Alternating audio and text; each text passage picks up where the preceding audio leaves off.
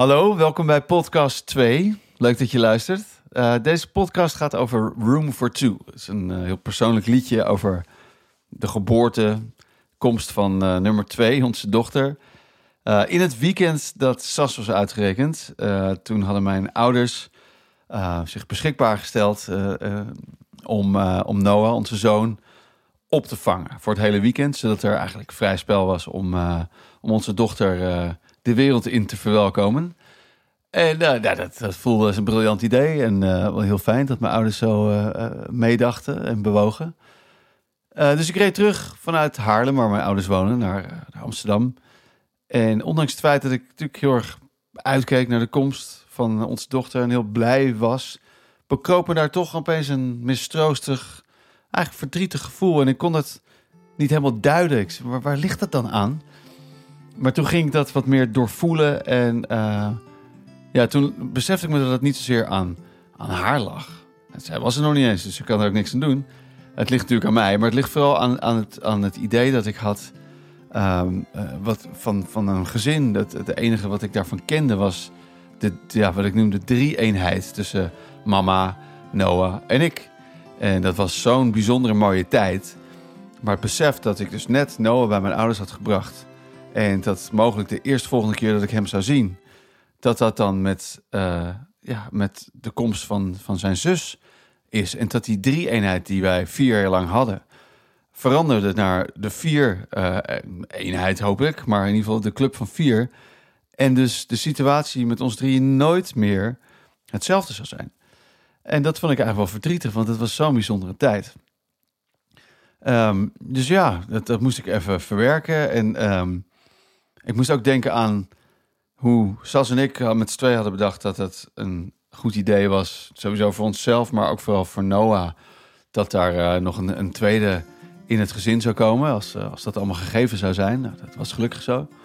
Maar we hadden eigenlijk dat nooit met Noah gecheckt. Dus waar was zijn inspraak in, in dit verhaal? En, dus het voelde een beetje egoïstisch. Terwijl het ook wel weer uh, goed bedoeld was. Dat, ook als wij er later niet meer zouden zijn, dat hij in ieder geval nog een broer of zus zou hebben. Maar we hadden hem er nooit echt bij betrokken. Dus ik dacht, ja, is dat nou ook zijn keuze? Hoe, wat vindt hij er nou van? En het laatste, uh, waar ik aan twijfelde eigenlijk, dat ik, zoveel liefde voor Noah gevoeld. Moet ik dat dan straks delen als uh, onze dochter komt? Of, of, is er genoeg liefde? Hoe werkt dat? Dus nou ja, ik, ik, ik kwam thuis en ik voelde dat ik van me af moest schrijven. Eigenlijk therapeutisch moest schrijven. Eh, sommige mensen die eh, slopen een bushokje of die pakken een kussen om heel hard uh, in te schreeuwen. Of weet ik veel wat te doen. Ik heb gelukkig die gitaar en die pakte ik om van me af te schrijven. En het was niet eens mijn intentie per se om, om een liedje te maken. Maar ik moest dat gevoel kwijt. Dus ik had redelijk snel een idee, een melodie en een stukje couplet en refrein. En, en dat was het eigenlijk. Dat was wat je voor mij voldoende om om dat gevoel even van me af te krijgen en weer, en weer terug te gaan naar de, de orde van de dag. Maar een paar maanden later zit ik met uh, goede vriend, een uh, waanzinnig uh, getalenteerde collega, Yoshi Brain, een goede liedjeschrijver. We zitten wel vaker samen en dan gaan we eerst lekker kletsen en dan houden we die gitaar nog in de koffer en dan nemen we een bak koffie en dan hebben we het over, nou, wat gebeurt er? Wat, wat speelt er zich af in jouw leven? Dus ik checkte dat met hem en hij zei, ja, nou, wat speelt er in mijn leven? Ja, ik ben over een paar maanden word ik voor de tweede keer vader. En ik heb al een dochter, dus zoals je weet, en uh, ja, ik vind het nogal wat. Ik zo, uh, wat, vind je dan? Nou ja, ja, het, het idee dat, kijk, wat wij nu met z'n drieën hebben is zo bijzonder. En dat is ook wat ik ken. En, en, ik kijk heel erg uit naar de komst van onze tweede dochter. Maar ja, het zal nooit meer hetzelfde zijn. Die drie eenheid die we nu hebben, dat zal nooit meer hetzelfde zijn. En dat vind ik wel jammer. Ik zei, oh ja, nou, interessant uh, Josje. Ja. ja, en weet je, en, ook het idee dat wij... We hebben dat nooit echt met, met onze dochter besproken. En we hebben zelf maar bedacht dat het wel leuk zou zijn als we een broertje of zusje zou krijgen. En uh, ik zei, ja, ja, uh, voelt het misschien een beetje egoïstisch? Ja, ja, ja, ja, ja, ja. Ja, ja en, en, nou ja, en, en wat ik ook, ja, waar ik een beetje aan twijfel. Ik, ik heb zoveel liefde voor onze dochter. Moet ik dat dan straks delen? Met, met ons tweede. Ik zei, Yoshi, are you shitting me? Neem je mij nou in de maling? Dit is precies wat ik voelde een paar maanden geleden voordat Lulu op de wereld kwam. Maar kan je in ieder geval verzekeren, don't worry about it. Het komt goed. Het komt goed. Ehm, maar ik heb er een, ja, ik, ik, ik had dat gevoel ook. Dus ik heb, ik heb toen op een gegeven moment een, een klein ideetje, dingetje gemaakt, zei ik tegen Yoshi. En uh, zei, kan ik dat ergens horen? Ik zei, nou nee, maar ik kan het je wel voorspelen.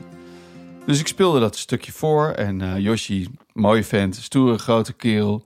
En uh, ik kijk in zijn ogen. En nou ja, die braken en, uh, en, en, en, rood doorlopen ogen. Hij kijkt me aan en zegt: Niels, dit is zo mooi. Dit, dit, moeten we, dit moeten we afmaken. Dit is wat we vandaag moeten gaan doen. Dit liedje moeten we gaan maken.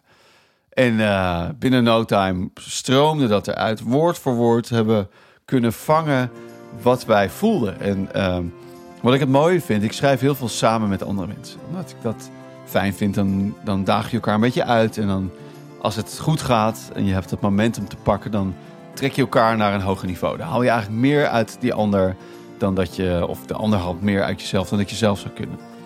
Maar het, het gevaar is toch ook vaak dat het een soort compromis is. Je moet toch altijd een deel van jezelf wegcijferen of een soort van uh, openlaten om, om ruimte te, maken voor iemand anders inbreng. Dus het, het, liedje, het eindresultaat is altijd het resultaat van een samenwerking. Um, en in, in, veel gevallen uh, ja, merk ik dat ik niet dan volledig mijn eigen gevoel daarin kwijt kan. Maar vandaag was het anders, want vandaag was mijn gevoel exact Yoshi's gevoel en Yoshi's gevoel exact mijn gevoel. Dus alle woorden die in die tekst kwamen, uh, voelden volledig van mij, 100%. Maar dat gold voor Yoshi ook. Dus uh, toen het liedje klaar was, wist ik ook zeker, dit gaat op mijn EP komen. En als Yoshi die uh, aspiraties had gehad, dan had het ook op zijn album kunnen komen. Hij brengt geen eigen liedjes uit hoor, maar hij schrijft ze heel mooi voor andere mensen. Maar is bijzonder trots op hoe het is geworden en blij om dat met jullie te kunnen delen. Ook blij met de productie, de opnames bij Huub Reinders. met Patrick van Herikhuis op de toetsen. Martijn van Acht op de elektrische gitaar. Jonas Pap op de cello. Martijn Bosman op de drums. En ik op mijn akoestische gitaar en de zang natuurlijk. En, ja, ik hoop dat jullie het mooi vinden. En dit is de podcast 2 gebleken. Liedje 2. Ik ga door tot. Uh, nou, ik ga ze eigenlijk allemaal doen. Het zijn er nu nog uh, drie die uh, de EP gaan volmaken. Dus bedankt voor het luisteren. Als je het leuk vindt, dan hoop ik dat je snel weer gaat luisteren naar de volgende podcast. En ik hoop dat je gaat genieten van het liedje Room for Two.